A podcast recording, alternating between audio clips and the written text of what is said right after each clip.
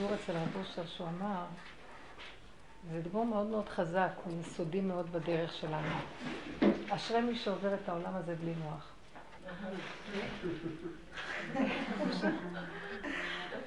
כי אני יודעת, כשאנחנו מתבוננים בכל המציאות של העבודה שלנו, כל עוד המוח שלנו פתוח, הניסיונות והסבל מאוד מאוד פשוטים.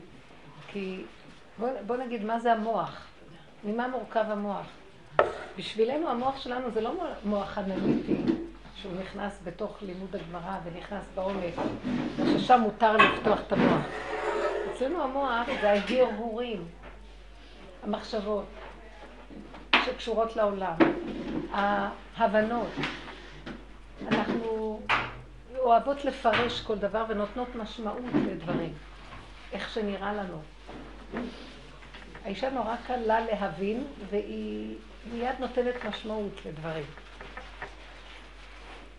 אני זוכרת שפעם בעלי, הם היו, בכולל שלו ישבו על איזה סוגיה, איזה שלושה שבועות, ולא, ממש לא ראינו אותו מרים את הראש.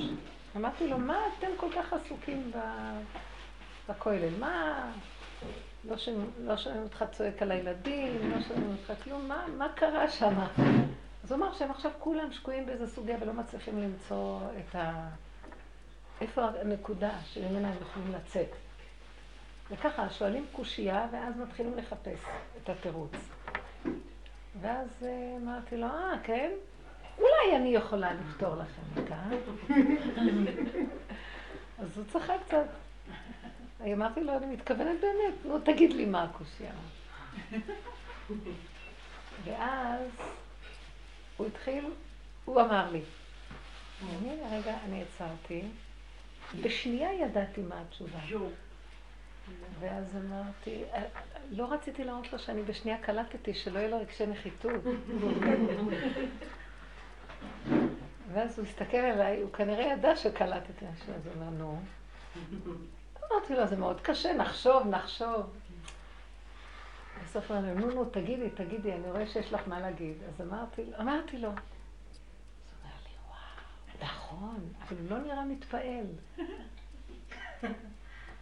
אז אמרתי לו, אז אני, אני רואה שגם אתה יודע. אז הוא אומר לי, נכון, אבל עכשיו את תוכיחי לי איך הגעת למסקנה הזאת לפי י"ג כללים שהתורה נקנית בהם. אז uh, הוא אמר לי, הוא הסביר לי איך לומדים. אז uh, שואלים קושייה, ודאי שהם יכולים להגיד את התוצאה. עכשיו מישהו אומר, טוב, לפי הכלל הזה, זה צריך, לה... אתה צריך להוכיח את זה רק אם אתה עובר דרך הכלל הזה, והכלל הזה לא מפיל לך את ההוכחה. עכשיו, 13 כללים כאלה, שמה שאתה לא עושה זה כמו איזה מבוך, שכל פעם נראה לך שאתה יוצא ופתאום בא משהו וחוסם לך 113 כללים. עכשיו תחפשי את התשובה. עכשיו, זה מוח אנליטי וזה מאוד קשה. לפעמים קשה מאוד. ומתייגעים על דבר בכוללים או בישיבות, מתייגעים על דבר לפעמים חודשיים, שלושה. וכל התלמידים יושבים, וזה מאוד קשה. מי שלא בא מאיזה צד שצועק שהוא מצא, יכולים לסתור לו את זה מכיוון אחר. וככה נראה הכל תקוע. ואילו, אז זה חשיבה עמוקה שהיא תופסת את המוח, אז המוח הוא מאוד ממוקד, נכון. והוא חושב בשיטתיות ממוקדת, והוא לא יכול סתם להרהר הרהורים ודמיונות. עכשיו, כשהם נמצאים במקום כזה, מישהו אומר לו איזה דבר, בכלל הוא לא שם לב אליו, לא לוקח את זה אישי ולא רגשי, הוא עסוק במשהו מאוד עמוק. אנחנו לעומת זאת, חיים ברובד מאוד שטחי, שכל יש לנו הבנה חדשה והשגה חדשה, והבנה על הבנה ופרשנות ומשמעות לכל דבר, אה, היא התכוונה ככה, אה, אה, אני יודעת מה היא חושבת, וזה אני, אה, ואז זה יוצר מצבים של הנפש מוכה וכאובה. והכוח הזה, על החלק הזה באישיות שלנו, שיש לנו אותו, שאנחנו מאוד מתרגשים ומגיבים, גירוי תגובה מכל דבר, רב אושר היה אומר, הלוואי, אשרי מי שעובר את העולם הזה בלי מוח שכזה. בלי מוח כזה. זאת אומרת, איך? בוא נחשוב. אתם יודעים מה? אני, נכון שאמרתי לכם ערב חג, איך הקדוש ברוך הוא עובד דרך הידיים האלה. ואיזה, הקדוש ברוך הוא זה פשוט משהו, וזה כל העולם הזה שלו, והוא דרכנו פועל הכל, ולמה להתרגש משום דבר? ערב חג, נגמרו כל ההרצאות, חזרתי הביתה, נשארו שבוע וחצי. אז שלפתי, שינסתי מותניים והמשלתי שרוולים, ונכנסתי לעבודות. התקשרה אליי מישהי קצת קודם, שהיא רגילה לבוא, היא וכל הילדות שלה לעזור לי. הם עושים המון, מאוד אוהבת לבוא. אמרתי לה, את לא תבואי, אני לא מפרגנת לך לעזור לי, בגלל שאני רוצה לראות את הגילוי של השם ממש, ואת לא תפריעי לי לראות את הגילוי שלו. היא צחקה כמובן, ואני הפשלתי שרוולים וראיתי, אין גילוי ואין שלו, ואין אותו, ונשארתי, הכניס אותי לעבדות מצרים, אני עברתי חוויה. התגלצתי לתוך מצרים של לפני 3,500 שנה. הוא הכניס אותי, כאילו חושך, נעלם כל האור הזה, הכניס אותי למצב שכל תנועה שאני עושה כמו עשר טון על האצבע, כל דבר נראה לי הר. אני קונה כפפות, אני, אני קניתי כפפות שני, ארבע סטים של כפפות חזקות, ואני צריכה כפפות גדולות, מידה גדולה. אני חוזרת הביתה, מידה קטנה, קטנה, קטנה. אני קונה כפפות, אה, אה, אה, הכפפות הרגילות, הן נקראות כל שנייה. מורץ הקדוש, סנט מורץ הרס אותי, האקונומיקה חתכה לי את האף, אני, מה אני אגיד לכם? אני צעקתי כמו משוגעת ולא עזר שום דבר. מתחילת החג, אמצע החג וסוף החג. שעבוד מצרים. טוב, עד שנכנסנו לחג כמעט ולא הייתי כבר בשפיות. מה שהחזיק אותי בשפיות, שיש לנו חורשה ליד הבית, הייתי הולכת לצעוק שם, והשכנים כבר הזמינו משטרה, רק הם לא ידעו מי צועק. ובבוקר הרבנית פישר יוצאת, מי יחשוב שבכלל זה יהיה משוגע שיצא? לא לתאר מהלך. באמצע החג באו המון אורחים מהמשפחה, ויושבות להן הבנות היפות, המתוקות, צדיקות, בנות ישראל הכשרות. אחת אחת אחת, אף אחת לא קמה לעזור.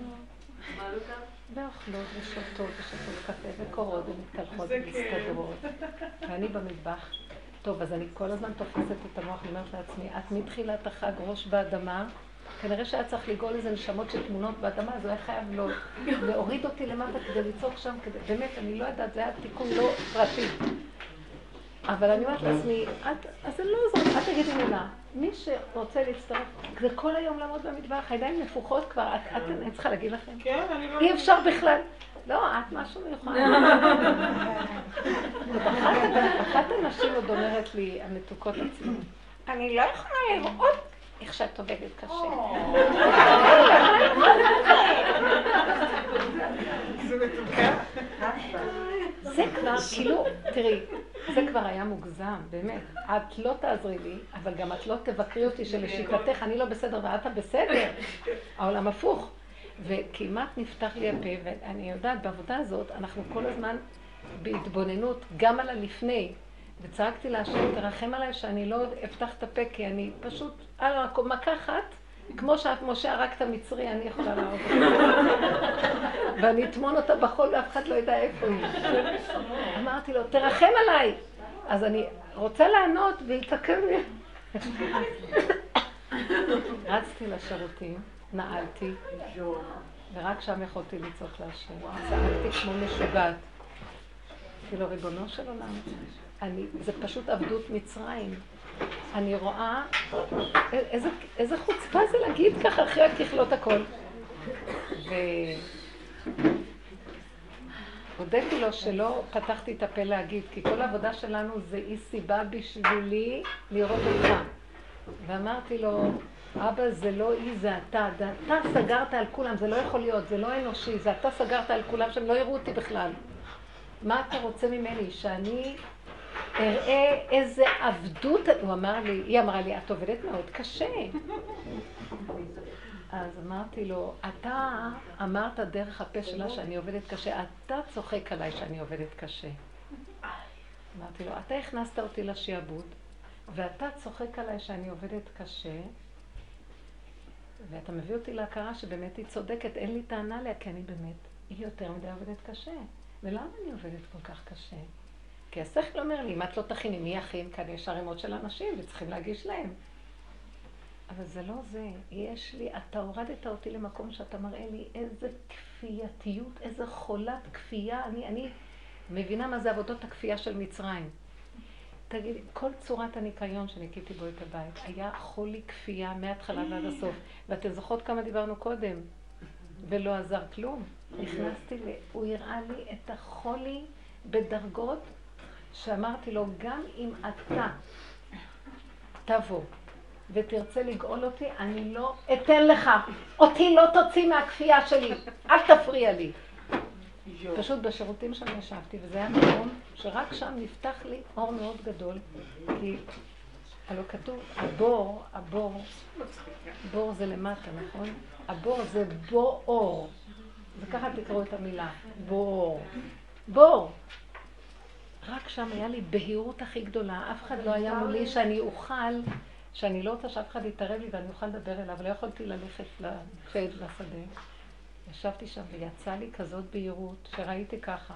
הוא, הוא, הוא לקח את כל היכולות, אין מדרגות. ברגע אחד כל העבודה נעלמה ואין לי שום יכולות. והביא אותי, הכניס אותי לשורשים של העבדות של עץ הדעת שלי, של מצרים. זה העבדות של עץ הדעת, זה מההתחלה של אכילת עץ הדעת, זה הקללה, הקללה הנוראה של כפייתיות, של, אה,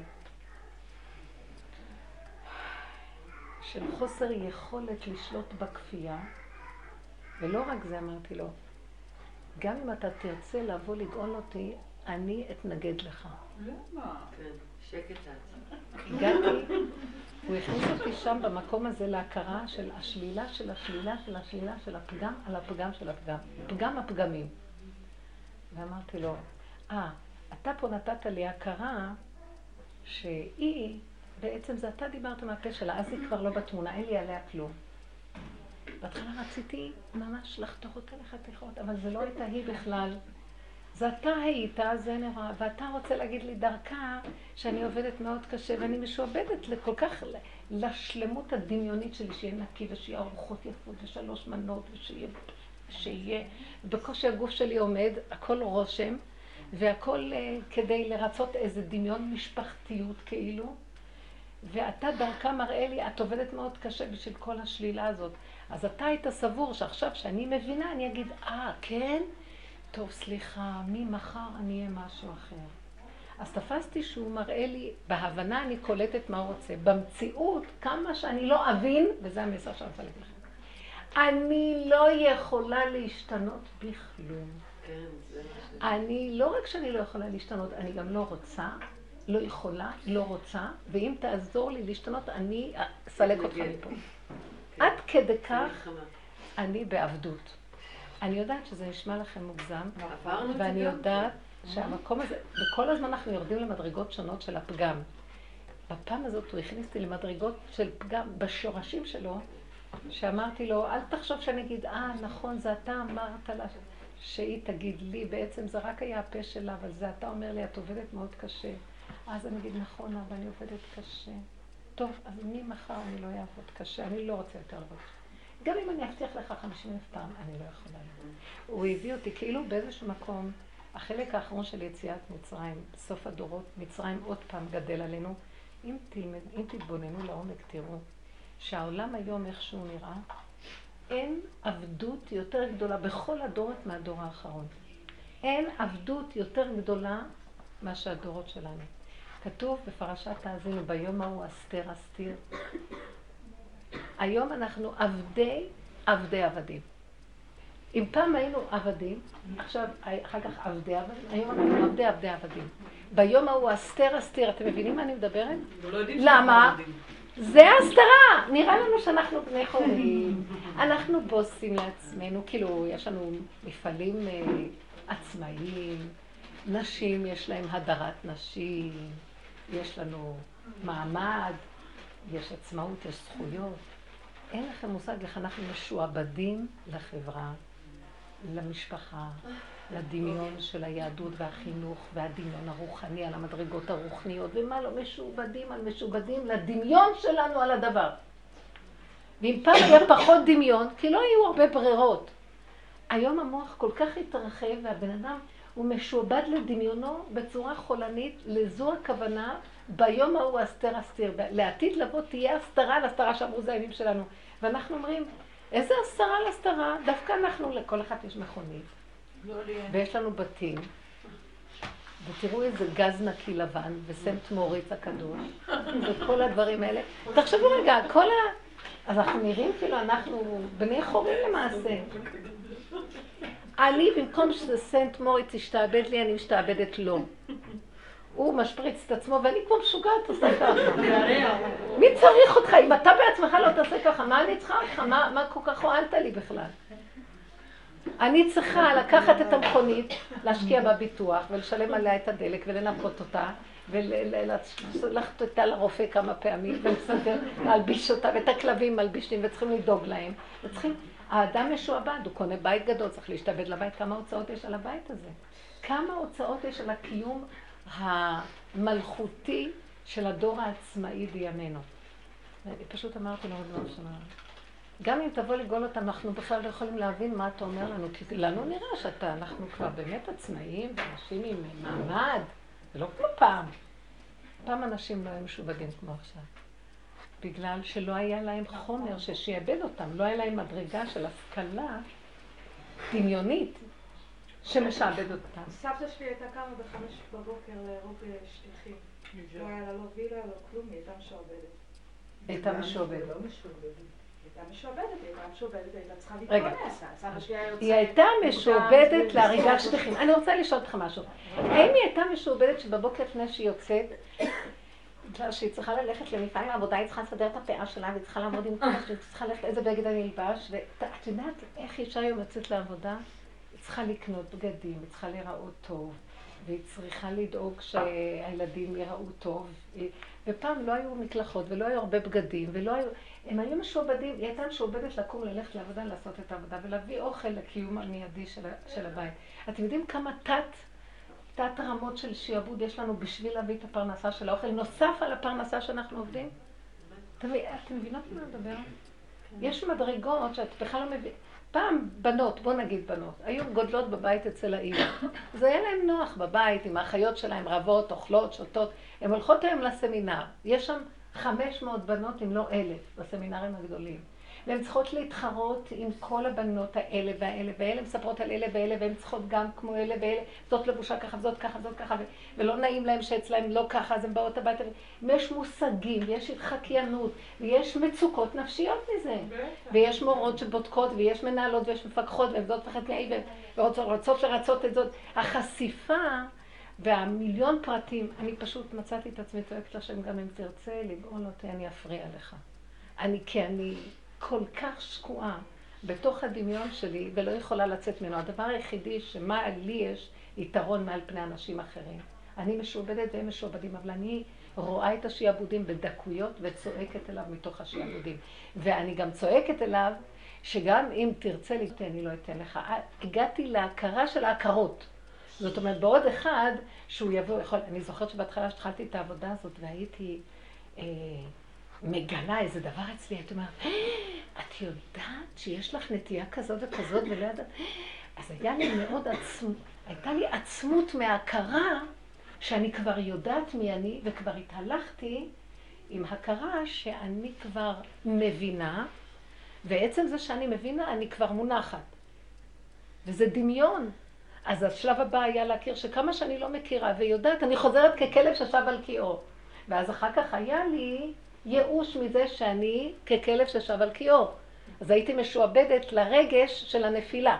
קודם הייתי משועבדת לנפילה, אחר כך יצאתי מזה, ראיתי שהנפילה. אבל מהרגש של הדבר עוד לא יצאתי.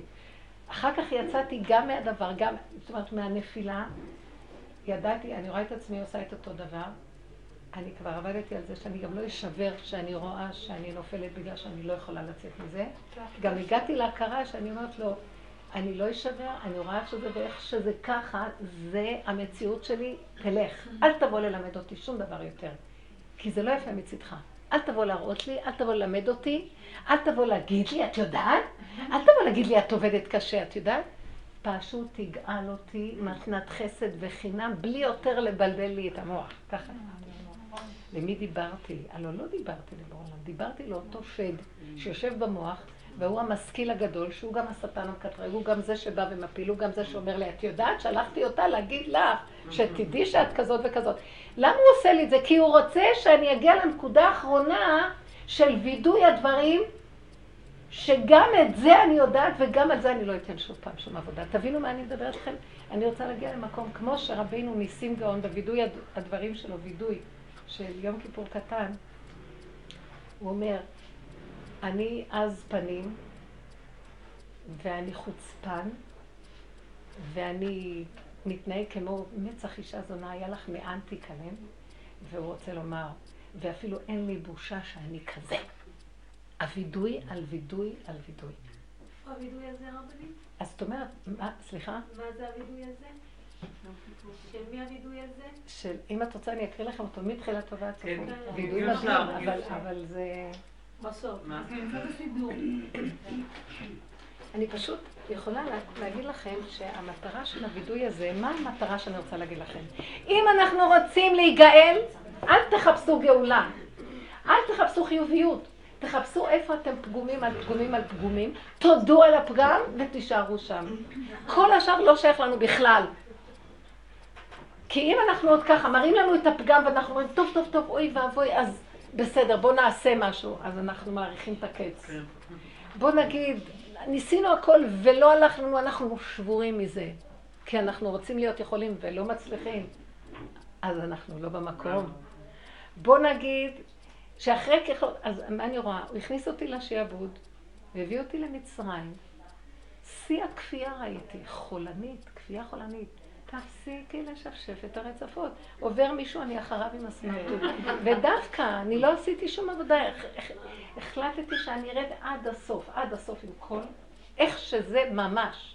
ואמרתי לו, אתה רואה, ריבונו שלם, תרשום פה, תרשום, תראה את הפגם הזה, תראה את זה, תראה את זה, תראה את זה. כל החג אני על הרגליים, הידיים נפוחות, הרגליים כואבות, זה לא נגמר להכיל כל כך הרבה זמן. והן יושבות, ועוד היא יורה בי חץ. הן עוד ממשיכות, מהפעם שעברה הם גם לא קמו לזה? זה כבר היה פעם אחת. כן, לא מקפידה עליהן? לא, הם לא. לא, זה לא בסדר שלא עזרו, אמרתי לכם, אבל ראיתי איך שהוא מתגלה והוא אומר לי, לא צריך, אני איתך.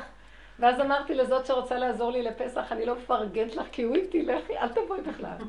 ואחר כך הוא אמר לי, ככה את חושבת? הוא זז לגמרי.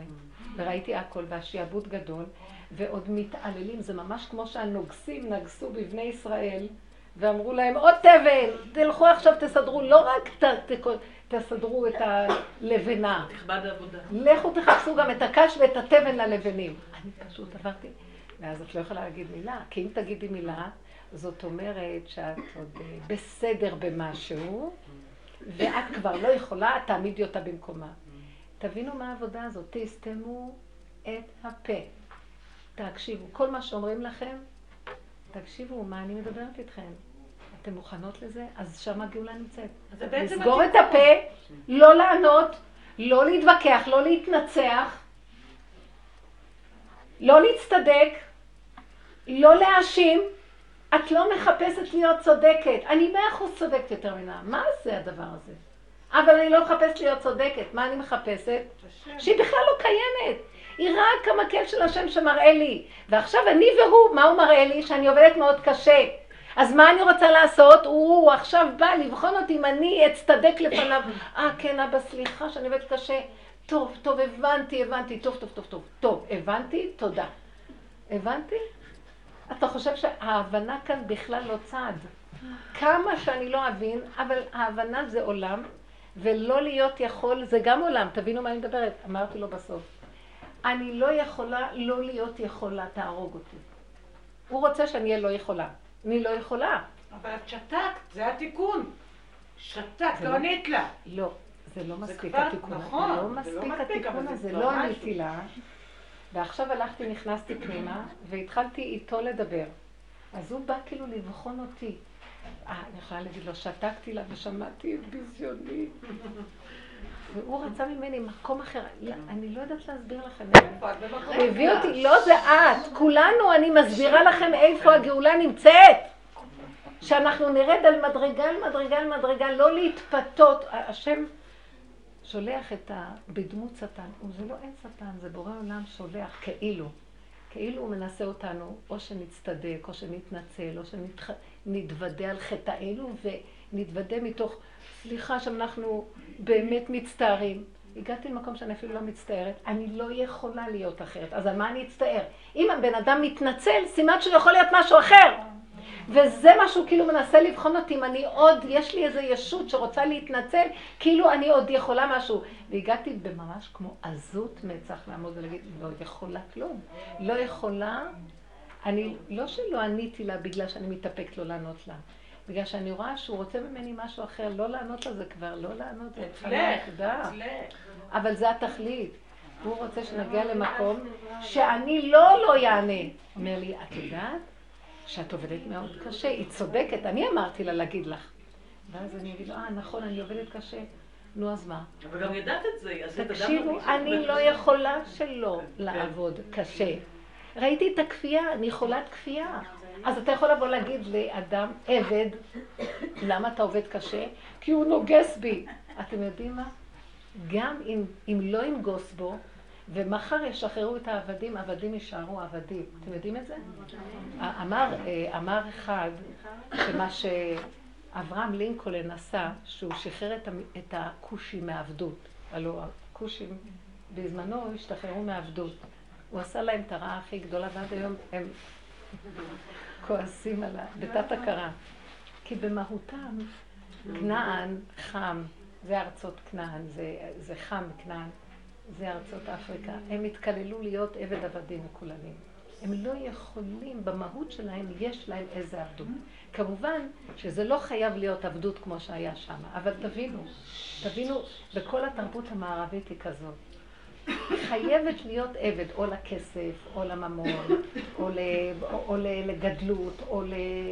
כל התרבות היום של המערב זה עבדות איומה. אתם שמות לב על מה אני מדברת? אין אדם שיכול אפילו אלה, שמה שנקראים עכשיו, בוא נגיד. אה, הביאו מהמזרח איזה אורות כאילו, והם קוראים להם, היה פעם סרט שנקרא הסוד. ככה, כן. נכון, מישהי סיפר, ספר כזה, כן. שהם תפסו נקודה, אם אנחנו נתכנת את המוח על הדבר החיובי, אנחנו יכולים להשיג אותו. יש לי את הסרט, מי שרוצה. עכשיו תגידו לי, אני רוצה לשאול שאלה. מדוע כולם, הם הגיעו להשגה שהמוח הזה, מה שאנחנו רוצים אנחנו לעשות אותו? מה פתאום ש, שכאילו אנחנו שבויים שלו? אבל מה קרה כאן? הם הבינו דבר מאוד גדול. אבל כולם, מעניין מאוד למה כולם רצו לתכנת את המוח שלהם על מיליון דולר. כן. זה הערך היחידי שהיה להם. שימו לב, כי הם עדיין משועבדים, הם חשבו שהם הבינו איזו הבנה גדולה, אבל הם עדיין עבדים. בתור עבדים הם לא יכולים לשחרר את הערך שנקרא כסף, חשיבות, כבוד, גדלות, אני לא יודעת מה שהערכים של העולם המערבי. שמה הם עבדים לדבר ומשתמשים כאילו במה שהם הבינו כדי להשיג, אבל עדיין הם עבדות. אי אפשר יהיה להם להשיג את, את הרעיון הזה של הסוד אם הם לא יפרקו את העבדות. אתם מבינים? חלק השיגו. בוא נגיד, לא השיגו לא כלום. כי נגמר להם המיליון דולר ונעלם הכול. איך לצאת מהעבדות? נשארו בעבדות. רק השם יכול להוציא אותנו מעבדות. אני רק רציתי להמחיש לכם שהמהלך הכי גדול בשיא העבודה הזאת זה פשוט להכיר את הפגם בפגמו, בשיא פגמיותו. במקום זה מה שאנחנו עושים, אנחנו מחפשים את החיובי ואת הטוב, ומתרחבים על הצד הימני החיובי, וחושבים שמזה תבוא הגאולה. עוד קצת קט, נהיה יותר צדיקים, נהיה יותר יפים, נהיה יותר חשוב. אז תבוא הגאולה. ואילו האור נמצא דווקא בבור, איפה שהבן אדם רואה כמה הוא תקוע, הוא לא עצוב מזה, וכמה שהוא מבין שהבנה לא תפריע לו, שבגלל שהוא מבין הוא חושב שיכול כבר להסתדר. הבנה זה לחוד, והמציאות שלו לחוד. אתם מבינים? כמה פעמים הבנתם משהו ולא יכולתם להזיז את המציאות לשום דבר אחר. את לא חושבת שאם היית יודעת למה את כפייתית, זה היה עוזר לך את זה? אם היית מבינה למה... בסדר, לא, זה לא חייב להיות שכל על שכל. אולי איזה דפוס שפיתחת, תנ"ם כזאת, וחיכית אותה, לא יודעת, יש איזה הרבה דברים. צודקת, וזה נקרא עולם ההבנה. אני יכולה לשרש ולהגיע לנקודה. שמעת מה שסיפרתי לפני, בשיעורים האחרונים, לפני שהייתי שם? העבודה נעשתה ולא הרגשתי שאני עושה כלום? תאמינו לי, חוויה מדהימה. הרבה עבודה, חוויה מדהימה. אמרתי, וואלה, תפסתי את זה. אין לי בעלות ואין לי שליטה ואין לי אחוזה ואין לי נחלה. ככה. טלטל אותי ואמר לי, כמה שלא הבנת, כמה שלא תפסת נקודה, ונראה לך שעכשיו, בגלל שהבנתי, יש לך איזה... אני מחזיר אותך, שתדעי שאין לך בעלות על כלום. אני מנהל את העולם. ואת פשוט רק תכירי כמה שאת תקועה ואת תלויה בי, נקודה, הכנעה. יפה, כן. זה קשה מאוד. כן. אז במקום הזה ראיתי להצטער למה לא חבל על הזמן, כי... וזה מה שדוד המלך בשיאו, בתהליך תשובה שלו הגיע, ואת זה הוא רוצה להנחיל לנו. מה הוא רוצה? ומה האדם הראשון? הצטדק לפני השם ואמר, לא, לא, אני האישה שנתת עימדי. כל החטא לא היה, כי הוא שלח להם את הנחש, והעמיד אותם במקום שלא יכול להיות שלא יאכלו מעץ אדם. אז לא זה היה הטענה. למה הוא לא מודה באמת? ונכנע ואומר, לא יכולתי. כי מכל הכיוונים, מה אתה סוגר עליי? מה, אתה בא לעבוד עליי? שאני אבין, שאני אדע, שאתה אמרת, שאמרת. אני יכול להבין, זה מחלקה אחת. חוץ מזה, אני אבין מאוד מאוד טוב מאיזה סיבה אני פועל כך וכך. בניסיון שאתה מביא לי, הכוחות כל כך גדולים על יכולת ההבנה שלי, שאין לי שום יכולת לעצור, ואני עוד פעם פה. אז מה מועילה לי ההבנה? אז אני מגיעה למקום שאני אומרת, ההבנה זה איזה מדור בעולם השכל, אבל גם זה צריך ליפול, לסגור את המוח. אמרתי, אז הבנים אמרו, עבודה של פסח אמרו, איזה מצווה לספר ביציאת מצרים, מצווה לזכור, כל עיקר המצוות, רוב המצוות הן קשורות לזכירת יציאת מצרים. אז אמרתי, ואז הם אמרו, לזכור, לזכור את יציאת, מצרים, והם הסבירו את הפירוש ואת המהות של יציאת מצרים והכל והכל, והם נתפסו בלזכור. ואני אחרי זה הסתכלתי לה, אמרתי לה, קמתי אחרי... אני לא, לא, לא מדברת בבית לידם, לא מדברת, נוח לי, לא מדברים שם. אבל איכשהו קמתי לעשות כאילו איזה משהו, ואמרתי להם, תדעו לכם, שהמצווה הכי גדולה זה לא לזכור. כל עוד אנחנו זוכרים, לא תבוא הגאולה. כי המוח פתוח ואנחנו עוד זוכרים. כשלא נזכור כלום, אז יתגלה הקדוש ברוך הוא. עד שהוא מתגלה, יש לנו מצווה לזכור. אבל בתהליך של הגאולה ממש, מה יביא את הגאולה? שלא נבין ולא נתווכח ולא נתנצח ולא נזכור. ונהיה כמו גולם חשוך. ואמרתי כמה מילים כאלה, והלכתי. אז הם, הם, יודעים שיש לי איזה סעיף. הם את ה... זה, המשיכו. לא, הם שומעים. אז הם אמרו לי, הם מתבלבלים מזה. אם אל תבלבלי אותנו, רגע, רגע, זה נכון, הם יודעים שזו האמת. אבל אנחנו במקום אחר. תני לנו קצת להתקשקש על זה ש... על הדברי תורה. הם מתוקים, אני מבינה מה אני אומרת, אבל זה מקום אחר לגמרי. אמרתי להם, מה שאתם אומרים, לזכור, מצווה לזכור, לזכור, לזכור, זה נכון בשביל הגלות, שאנחנו צריכים להחזיק את המוח פתוח וכל הזמן לעבוד עם המוח. אבל אם המוח פתוח, לעולם לא תהיה גאולה. אתם רוצים גאולה? תשכחו. תשכחו את הכל, תשכחו מי אתם, תשכחו את המדרגות שלכם, תשכחו את ההבנה שלכם, תשכחו את הכל. אין, שמה הקדוש ברוך הוא יתגלה. ברור מאליו שזה ברור, גם הם יודעים שזה ברור. אבל זה לא המקום של הגברים, כי הגברים מצווים לפתוח את המוח וללמוד תורה.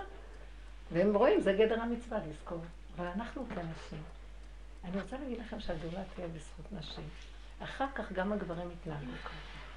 אז, אז זה הנקודה. כל המדורים של השכל, שזה הזיכרון וההבנה והידיעה. מי אמר לך שזה משמעות? עכשיו תשמעו רגע. דוגמה, הם החליטו, הבנים עזרו, אבל אז עזרה של בנים היא שונה, גברים עובדים אחרת מנשים. אצלהם הבלגן לא מפריע להם. כאילו, אין להם בעיה, הם לא רואים את זה. זאת אומרת, המיטות מלאות כביסות. ואז אני אומרת, בוא נקפל, נגמור, שיהיה לנו קצת אור בעיניים. הם לא מבינים, להם יש אור בעיניים, הכל בסדר, מה כאן לא בסדר? אני אומרת להם, תראו, אחר כך האורחים יבואו, אין מיטות פנויות, בואו נארגן את הבלגן. הם לא מבינים מה אני אומרת. אל תדאגי, הכל יהיה בסדר, הכל יהיה בסדר. אני מסתכלת עליהם ואני אומרת, מה ביני לבינם? ואז ראיתי מידת הבינה שלי. הם לא מבינים. אין להם משמעות שהחולצות יהיו ככה, והלבנים יהיו כאן. לא, אין להם משמעות לסדר. המוח שלי אומר, מבין, שאם זה יהיה מקופל בארון, יהיה מיטה פנויה, יהיה אור בעיניים, יהיה שמחה בלב. להם זה לא מפריע שיהיה מלא חולצות, מלא בגדים, מלא זה, ויש להם שמחה בלב ואור בעיניים. מה מפריע לי עכשיו, מה שלהם לא מפריע? אצלהם, להם אין משמעות לבלגן, לי יש משמעות. ההבנה שלי עושה לי בעיות. ואז התפללתי להשם שירחם עליי, שיהיה לי מוח כמוהם, שבכלל לא אכפת לו שפה לא יהיה ככה וכיסא על כיסא ושהכול מפורק, והם לא מתרגשים גם. אז ראיתי שהמוח, הבינה מפריעה לי. הבינה של ענייני העולם מפריעה מאוד מאוד. אתם מבינות מה אני מדברת? עכשיו, מה שרב אושר אמר, אשרי מי שעובר את העולם הזה בלי מוח. הוא התכוון לעבודה הזו. בלי בינה? בלי להבין. נו, ואז מה יהיה כשהאורחים יגיעו, וכל המיטות עם החולצות? הם יסתדרו. אז את יודעת מה קורה? מי זה אמר את זה? הם באו, ובאו משפחה גדולה עם המון ילדים, והיה ילד חולה במחלה, עוד בני משפחה אחרים. פשוט אני אמרתי להם, תראו. תראו. הנה המצעים, והנה המיטות, אז כל אחד יסתדר. אז עמדו הילדות הקטנות, וקיפלו, וארגנו, וזה מה שבעצם הבנים התכוונו, הכל יסתדר, מה דואגת? אני רציתי לארח אותם עם הדמיון של הגדלות שלי, שהכל מושלם בית מלון, ואצלי, למה לא נפנק אתכם, ניתן לכם, אל תעלו כלום. זה ראיתי, זה מה שהוא אומר לי, את עובדת קשה מדי, כי את מדי נושאת עלייך דברים, שחררי. ובדרך כלל אני עושה את זה, אה, הוא סגר עליי את הנקודה הזאת, יצא פגם של הרצון לרצות ושל המושלמות בצורה חולנית, וראיתי שזה הפגם של הדור. אנחנו רוצים הכל יפה, הכל מושלם, הכל נקי, כל צורת המכירות היום, איזה יופי הכל קשור, איך הכל... את באה הביתה, אפילו המוצר שקנית אין לו ערך לעומת המעטפה היפה תמיד אומרת, על זה הם לוקחים את הכסף, לא... זה לא יאומן. הכל חיצוני, הכל יפה, הכל... והעבדות של הדבר הזה. אז עכשיו, אנחנו לא יכולים לצאת מזה גם, כי זו חברה שהיא מזמנת לעצמה את המצב הזה. החברה היא יצרנית. היא יוצרת כל הזמן לספק לאנשים את מה שהם רוצים, ואנשים כל הזמן קונים את מה שמספקים להם ועוד פעם יוצרים, וזה מצב שאנחנו על הקצה שלנו חיצוני, הכל חיצוניות. זה עבדות, על עבדות, על עבדות. ועכשיו אין לנו יכולת לצאת מזה, רק לפחות להתעורר ולהכיר, וזה מה שכתוב בפרשת האזינו ביום ההוא, אסתר אסתיר. ההסתרה של סוף הדורות היא יותר מכל ההסתרה של כל הדורות הקודמים.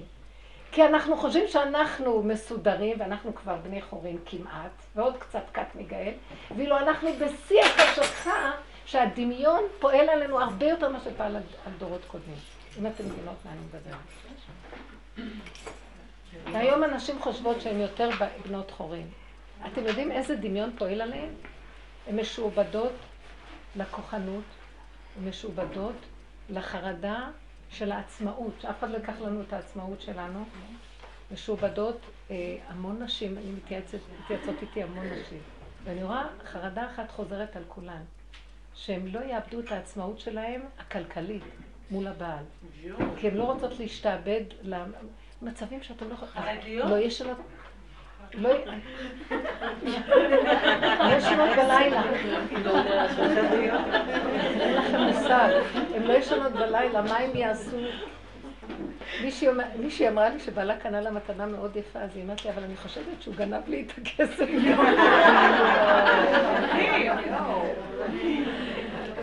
צחקה, עשתה בדיחה, אבל אני ראיתי שמתחת לבדיחה יש משהו. זאת אומרת, בוא נגיד שכבר זה לא זה, אבל זה בינה לבין המנהלת שלה, בינה לבין הזה, וכל העובדים או כל ה... יש, יש את זה. הכל תככים, אי אפשר. ההדגה הזאת, כל הזמן של הכלכלה. את צוחקת על זה.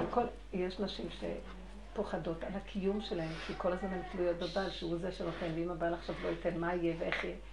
העולם נמצא בתלות מאוד מאוד מאוד גדולה, מאוד גדולה, מאוד מאוד קשה. אני מייחסת את הפרשנות ביום ההוא, אם כבר יש איזו פרשנות של התורה, ביום ההוא אסתר אסתיר, אני אומרת, איך זה נראה? מה פתאום אסתר אסתיר? נראה שזה בעצם, אה, נראה שהעולם הולך לקראת גאולה, לא? העבודה הזאת הביאה אותי להכרה שאנחנו מדומיינים, אנחנו בשיא החושך של העבדות. הפוך. ודווקא נראה הפוך נאורות. איזה נאורות? אנחנו קפואים של המוח. המוח בעלות עלינו, ההשכלה בועלת אותנו. היא השתלטה לנו על המוח, ואנחנו לא יכולים להשתחרר ממנה. בלה בלה בלה בלה של תיאוריות שאין בהן כמעט שום כלום אמיתי.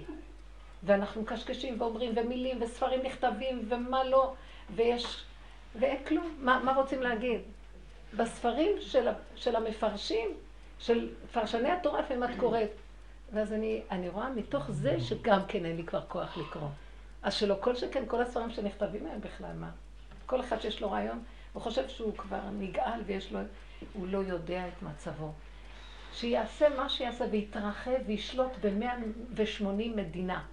אם הוא לא יודע שהוא מדומיין, שהוא שולט על דמיון, שיש לו מלא דמיונות ששולטים עליו, אם הוא לא יודע את זה, אז הוא נקרא עבד. למעשה זה הפוך. גם כשהוא יודע, הוא כבר, הוא פחות, אה, זאת אומרת, הוא גם עדיין עבד, אבל הוא יודע שהוא עבד. הידיעה, כן. ההכרה של הדבר, כן. עכשיו, בהכרה יכול להיות מחלקה. אה, הכרתי, כמו שהיא אומרת, אה, אז אני יכולה לצאת מזה אם אני אכיר איפה היסוד של זה. גם זה דמיון. כי הוא חושב, ונכון, יש כזה משהו שנבנה, וזה כל ה-new age. מה שקורה, הוא ירד למקום הזה, הוא יכיר, והוא יחשוב שהוא תפס איזה נקודה וכבר יש לו שליטה והוא יכול כן. לסדר את עצמו. מאיזה זווית יבוא לו איזה גל שקבר אותו והוא לא יודע איך לצאת מזה. נשארת בתוך אני רוצה להגיד לכם, הגאולה תהיה רק בדבר אחד, וזה דוד המלך השכיל לעשות. חטאתי להשם. חטאתי נגדי תמיד. חטאתי הכוונה, אני חטא זה פספוס. החטאה למטרה. אני מצב של נפל, ואני קבוע בנפל, ואני לא יכול. אני תמיד מחטיא, ואם יש פעם שאני מצליח, זהו, זה לא אני. אני לא. אז עכשיו לא אכפת לי, כי זה מצבי. כל פעם שאני נפל ואני צועק אליו, אז הוא מקים את הנפל, סומך נופלים. אני נופל והוא סומך אותי. אני עיוור והוא פותח לי את העיניים. אז הוא ידע כל הזמן את מקומו, הוא לא שיחק את החלק האלוקי. אני גאול, אני... הוא שיחק, אני פגום. הוא רק חיפש איפה הפגם, איפה השלילה, איפה החיסרון, בלי שיוורון. ומהמקום הזה, מה אכפת לי? הוא תפס את, ה, הוא תפס את העיקרון של כל תיקון עץ הדעת. אז מה שהוא צריך אותו? רק להודות על האמת, מודה ועוזב ירוחם, וזה כל הווידוי של רבינו ניסים. רגע, זה העבודה זהו, זה הוא זה. ועד אז, עד שמגיעים ליסוד של דוד המלך, אנחנו טועים, העץ, הדעת, מסתעף בהבנות, בהכרות, במשמעויות, בפרשנויות, ונדמה לנו שעוד קצת קט אנחנו מגיעים, וזה כולו סיעוף והסתעפות של הענפים של עץ הדעת. תרדו לגזע, תרדו לשורשים של עץ הדעת. כלום. בזה שאני מבינה את השורש, אני יכולה גם להתוודות. רק להתוודות.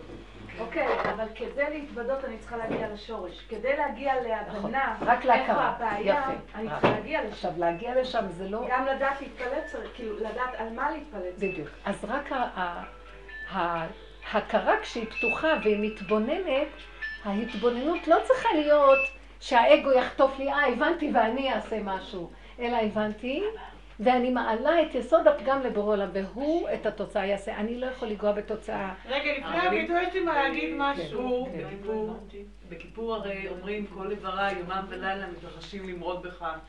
ככה כתוב בסידור של כיפור. וכתוב גם בסוף, אה, בסידור כתוב שאני לא יכול להגיד לך, ריבונו של עולם, אני אוסיף חטא על פשע, אם אני אבוא ואגיד שאני לא אחטא לך יותר. כי אני בשר ודם והוא עוד מוצב מאש, הוא מלאך. רק אני מבקש ממך שלא תביאני לידי חטא, שאל תביאני לידי חטא. זאת אומרת, כן? מה זה אל תביאני לידי חטא? שאתה תשמור עליי שאני לא אחטא, כי אחרת אני אחטא. כן, אני אחטא, בדיוק. זה מה שהוא אומר כאן. אני רוצה להקריא לכם את הווידוי. רגע, לפני זה אני רוצה להגיד כן, משהו. על מה שאמרת שלא ענית לה, אז ראיתי כשאני עושה את זה, שזה שומר בעצם עליי ועל הבריאות שלי. כי ברגע שאני לא מתעצבנת ויוצאת עם הכעסים שלי על מישהו אחר, אני שומרת על עצמי בעצם. זה דבר אחד. זה דבר אחד. ואז מתעצבנת יותר? לא, אני... לא, בלי להישבר היא אומרת. היא אומרת דבר אחר. דבר אחד אני שומרת שאני לא אתרגז, אבל אני רוצה להגיע למדרגה שאני חותרת להכיר איפה היסודות של כל מה שהולך פה. זה עכשיו הבאת לנו אותה. כל השיעורים אנחנו מדברים על זה הרבה, אנחנו מדברים בשיעורים, אין אנחנו נתבונן לעומק, כל עיקר, שכלו של האדם שניתן לו, זה רק להכיר את פגמיו. מודה ועוזב ירוחם ומכסה פשעיו לא יצליח. וזה הסוף של קהלת, את האלוקים ירא. מודה ועוזב הכוונה, הוא עוזב, הכוונה, בכוונתו הוא עומד ואומר, אני מציאות של חטא ונפילה, אני מציאות של פגם. אם אתה לא תשמור עליי, אני לא יכול. מודה שאני לא יכול, ואני מוכן לעמוד במקום שאני לא ארוץ קדימה, אבל אתה תשמור עליי. אני מוכן לתת, איך הוא אומר בקהלת, סוף דבר הכל נשמע, את האלוקים יראה, יראה. מה זה יראה? בן אדם ירא הוא לא בן אדם שרץ. הוא לא עושה תנועה כזאת, הוא עושה תנועה של קיבוץ והפנמה. הוא ירא. כאילו הוא מפחד, הוא נופל לאיזה בור. את זה אני מוכן לתת. אני עוזב את המרוץ שלי, שאני חושב שאני שולט פה ואני יודע מה קורה, כי אני כבר רואה איזה סכנה אני נמצא. דעו לכם שאם היה לנו יראת שמיים תמימה, אמיתית, כמו שעכשיו מדברים פה, היה שלום בית מזמן. אין יראת שמיים. אחד פותח את הפה, עונה לשני. אין בכלל, האיפוק הוא לא בשביל שיהיה שלום בית. הוא בשביל שאני אוכל להגיע קודם כל לבסיס שלא יצא לי האנרגיות החוצה, ואז אני צריך לאסוף עוד פעם, כן, לוקח כן, המון, כן. הפיזור הוא קשה.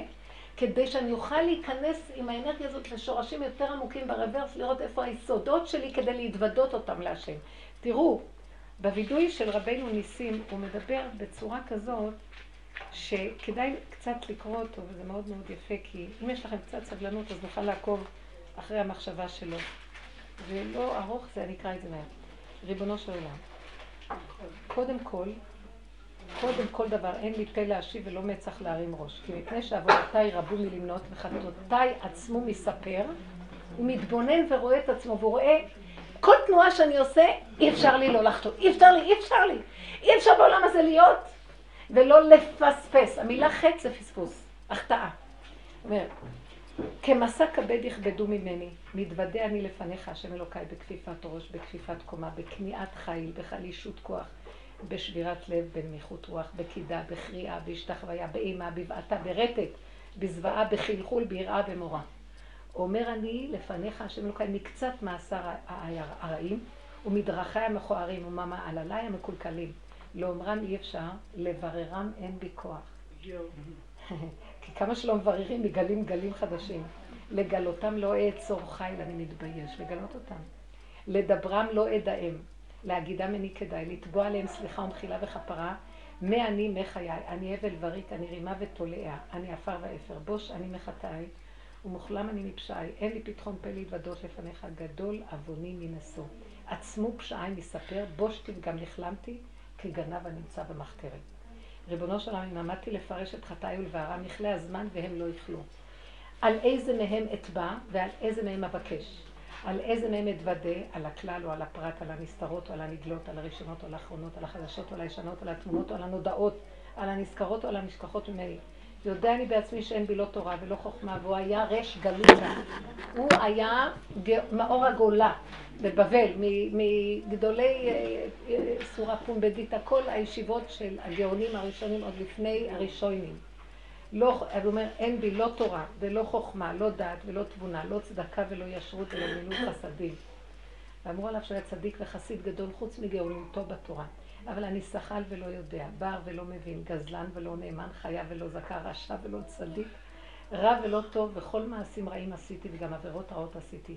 ואם אתה דן אותי כמעשיי, אוי לי ואי לי, אהלי, אוי עלי על נפשי, ואם תבקש לנקותי כמטהר וכמצרף כסף, לא יישאר ממני מאומה.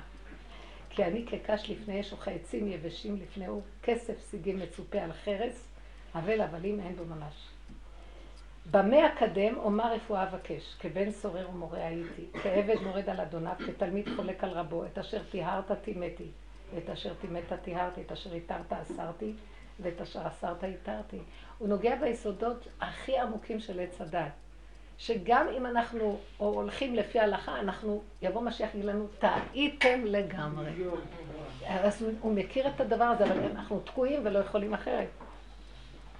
אומר, את אשר אהבת שנאתי ואת אשר שנאת אהבתי, ואת אשר הקלת החמרתי ואת אשר החמרת הקלתי. תדעו לכם שהוא אומר את האמת לאמיתה, הוא לא סתם אומר, כי באמת באמת בגלל חטא עץ הדת אנחנו הפוך על הפוך. את אשר קרבת ריחקתי ואת אשר ריחקת קרבתי. אך לא להכיסך אני התכוונתי, וזה מה שרציתי להגיד לכם. הוא אומר ככה, ובעזות מצח באתי לבקש סליחה מפניך. שמתי פניי ככלב והעצתי מצח כזונה וגשתי לפניך בבושת פנים. וכן כתוב מצח אישה זונה היה לך מאן תיכלם. אז שואלים מפרשים, מה זה? שמתי פניי ככלב בעזות, העזתי מצח כזונה, וגשתי לפניך בבושת פנים. או שאני מעיז או שאני בבושת פנים. אז הוא אומר כאן, וכן כתוב מצח אישה זונה היה לך מעט להיכלם. אפילו בושה מזה שאין לי בושה, אין לי. במילים אחרות. וכן ככה הוא אומר, ריבונו שלם, לא על עצמי בלבד, אני מתפלל ומתוודה כי בעדי בעד קהליך עומדים לפניך, ואף על פי שאיני ראוי ולא זכאי להתוודות על עצמי לכל שכן על אחרים, אבל כי דרכך להאריך אפיך ומדעתך להעביר קצפך ומנהגך לרחם על בריאותיך ויותר לשבים אליך ומודים לפניך ועוזבים ומתנחמים על פשעיהם ולא מכסים אותם שכן כתוב מכסה פשעיו לא יצליח ומודה ועוזב ירוחם ומציל את נפשו מדינה של גיהנום. ריבונו של המנהג בית דינך, הצדק לא כמנהג בתי דינים של בני אדם. שמידת בני אדם כשהוא תובע את חברו בממון אל בית הדין או אל השופט, אם יכפור ינצל מן הממון. אנשים מנסים לשחק בצדיקים, ולפעמים יכולים, השופטים לא רואים. ואם יודע, הוא מתחייב ליתן. אז לא כדאי לו, מנסה להתחמק. ובית דינך הצדק לא כן הוא, אלא אם יכפור אדם אוי לו ואוי לנפשו, ואם מודה ועוזב אתה מרחמהו. ועוד אומר, ריבונו של עולם, לולא חטאינו כשהיינו לא היינו בושים ונכלמים, ועל מה היינו מתוודים? כי אי אפשר לו לאדם לבקש על חטא בו לא חטא, ולא יוודע עוז רחמך אלא בעבירה חטאות רעיך. זה דבר מאוד גדול מה שהוא אומר. הוא רוצה לומר שהכל זה עלילה אחת גדולה. אנחנו לא חטאנו, ואתה בעצם לא כועס עלינו, אבל אתה רוצה שנשחק אותה כך. כי מה אנחנו אשמים שחלום עץ הדת? ומה אנחנו, כל העלילה הזאת הייתה עלילה שאנחנו לא יכולנו שלא לנהוג כך. אז אם כן, מה הטענה עלינו? רק למה אנחנו לא משחקים את המשחק נכון? הכוונה, בואו נזכור שזה המשחק של בורא עולם, ונשחק אותה, כי בורא עולם רוצה שנשחק את המשחק הזה. אבל אנחנו חושבים שאנחנו באמת אתם מבינים? אנחנו לא צדיקים ולא רשעים. לא, אבל אנחנו צדיקים. אנחנו לא מציאות, בקיצור. למה אנחנו לא זוכרים שאנחנו לא מציאות? והכל זה תוכנה והצגה שהוא רוצה שנשחק אותה, כי יש לו מדוע שהוא רוצה את המשחק הזה. אין איתנו יודע עד מה, זה תיקון של הדת. אנחנו לא יודעים. אנחנו רק יודעים דבר אחד, ככה הוא רוצה. אני חשבתי שאני הגעתי למקום שעכשיו אני נגאלתי ואני לא צריכה, אני אעשה את כל העבודות, והוא דרכי עושה ומה אכפת לי. כבר התחלתי לשלוט על המצב הזה. הוא הביא אותי למקום ששכחת דבר אחד. את מתהדרת בנוצות שלא שייכות לך. אם אני ארצה, אני אביא לך, ואם אני לא ארצה, אני אקח לך. רגע שאת חושבת שמשהו כאן שלך, נעלם לך הדבר הזה. והגאווה והיסוד של הישות של האדם כל כך חזקים, וזה חטא עץ הדעת. זה לא החטא שהם אכלו, הם לא אכלו אחרת. החטא, למה הם לא הודו? שהם לא יכלו אחרת. כי הם חשבו שהם היו יכולים להיות משהו אחר. התלבש עליהם תחושה של אני יכול. הבנתם מה אני מדברת? בטח. אם היינו תופסים את הנקודה הזאת, מה זה יראת שמיים אמיתית? תודו שאתם לא יכולים. חפשו את הלא יכול. אני הגעתי בווידוי שלי לצעוק עליו שאני לא יכולה לא להיות יכולה. אתה מחפש ממני שאני אהיה לא יכול. אמרתי לו, יפה אתה מחפש, אבל אני כבר לא יכולה לא להיות יכולה. אני התוודעתי שאני בעצמי בורא עולם. לא מוכנה שאתה תהיה בורא עולם שלי. הבנתם מה אמרתי לו? אני לא יכולה לא להיות יכולה. רק אתה רוצה שאני אהיה הנברא לא יכול, ואתה יכול, אני לא יכולה. אני מרדנית ברמה כזאת, שיא הווידוי. מאיפה לקחתי את זה? ממנו. שהוא אומר שגם בושה אין לו להגיד שהוא ככה. זאת אומרת שאני לא באה עכשיו להתמרד מול בור עולם, אני רק באה להגיד לו בהכרה שלי כמה פגם על פגם על פגם, הנה יסוד הפגם שלי. כי ככל שאני יורדת לבור ומתוודה על יסוד הפגם, שם נהיה אור! אז האין סוף מגיע למקום הזה, הוא רוצה את הווידוי, כי הווידוי שלי זה עושה כלי כדי שהוא יוכל לרדת אליו. אבל הגאווה שלי לא נותנת לי שאני אתוודה שאני כזאת פגומה, לא. אני אשבר ואני לא אגיד כזה דבר, אני חוצפנית. אני לא חוצפנית להשם. אני רוצה שהוא יתגלה, וזו הדרך היחידה להתגלות. את פחות כפייתית עכשיו? איך? את פחות כפייתית עכשיו? נתתי לו את הנקודה של הסוף, כמה, לפחות התודעה שלי מגיעה לסוף, כמה אני לא יכולה. אז אתה רוצה שאני לא אהיה יכולה, ואז אתה כל יכול, אז אני אשאר כל הזמן בלא יכולה. אז אמרתי לו, הלא יכול שלי זה לא יכול להיות לא יכול. הבנתם? כן. זאת אומרת, לקחת את היסוד של הווידוי ולהביא אותו לקצה שלו. וזה מאוד מאוד קשה, כי אנחנו תמיד רוצים חיוביות. אה, אתה רוצה שאני אהיה לא יכול? טוב. טוב, אני אשתדל מעכשיו להיות לא יכול. אמרתי לו, עד מוח... חפש אותי עוד בסיבוב, אני לא יכולה. אבל זה גם לשתוק אי אפשר. אבל לדבר אליו. לא. כן, עכשיו, זה לדבר לשני, כשאת מדברת לשני, לאט לאט את רואה שהשני לא קיים, את מדברת לבורא. תתחילו לדבר אליו, אז כל החוצפה הולכת למעלה, זה לא נורא כמו שזה הולך לפה. נכון. כי כשאת הולכת לפה, זאת אומרת שאת חושבת שאת רצינית, ואת כועסת על השני שהוא לא בסדר ואת בסדר. אף אחד פה לא קיים, לא הוא ולא הוא ולא כלום. אבל תבינו, בואו בוא ניקח מילה אחרת. אל תיקחו את החיים ברצינות, לא קיימות. נורא כיף, זה נורא כיף. אנחנו מדי רציניים. ומה עושה לנו את זה? השכל וההבנה והמשמעות. ואני ראיתי, אין משמעות לכלום. אם הם רואים שהמיטות מלאות ואין לזה שום משמעות לגבי דידם, למה אני לא יכולה גם לחיות ככה? אבל אני באמת לא יכולה, רק אני אומרת לו את זה שאני לא יכולה. הייתי רוצה לחיות כמוהם. הם יצורים שכך הוא ברא אותם, שאין עליהם את הדין כמו שיש עליי. נכון. אנשים יש להם יותר... אה, דמיון, דין הדמיון עלינו יותר גדול. אז אני לפחות אומרת לו את הפגם שלי. שאני רוצה להיות במקום בעולם בלי משמעות על כלום. בוא נראה, מי שאמרת לי, אז מישהי אמרה לי, בואי, בואי, בואי נגיד ככה, בעלי, הוא, יש לו משהו מאוד מקולקל. אז אמרתי לה, את מפרשת שיש לו משהו מקולקל. היית צריכה להגיד, בעלי יש לו נתון כזה וכזה, בלי מילה מקולקל או מתוקן. מקולקל ומתוקן זה כבר הצהרה של משמעות. אבל את יכולה להגיד, בעלי עושה ככה. בעלי עושה ככה, וזה אצלי נקרא קלקול. אמרתי לה, לא, הוא רק עושה ככה. דוגמה, אני סתם נותנת דוגמה. להמחיש. אנחנו ישר מפרשות ואומרות, זה מקולקל, זה לא מקולקל. לפי המוח העולמי, מה שנהוג, מה שזה. בואו נתחיל לפרק את המוח הזה. כן, אל תאמינו למה שאתם רואים. ואם אתם ממהרות לשפוט ולדון ולתת משמעות, תצעקו להשם, אבא, אל תיתן למוח הזה להשתלט עליי. אין, אם לא תיתנו משמעות לכלום ורק תעלו את זה להשם, שמא תיתנו משמעות, אתם תראו שהדברים לא יהיו קיימים. זה יעבור כאילו לא קרה כלום. כשאת נותנת לזה משמעות, את בחיי, זה נהיה, עכשיו יש לך בעיה. וככה אנחנו נופלים מבעיה לבעיה לבעיה, ויש לנו עכשיו המון עבודה עם כל הבעיות שנוצרו, שעצרה לנו הדעת וההבנה. כן. לא כל כך הבנתי למה באשת חי, כזה, שאלה קצת שאני שואלת את עצמי, באשת חי אנחנו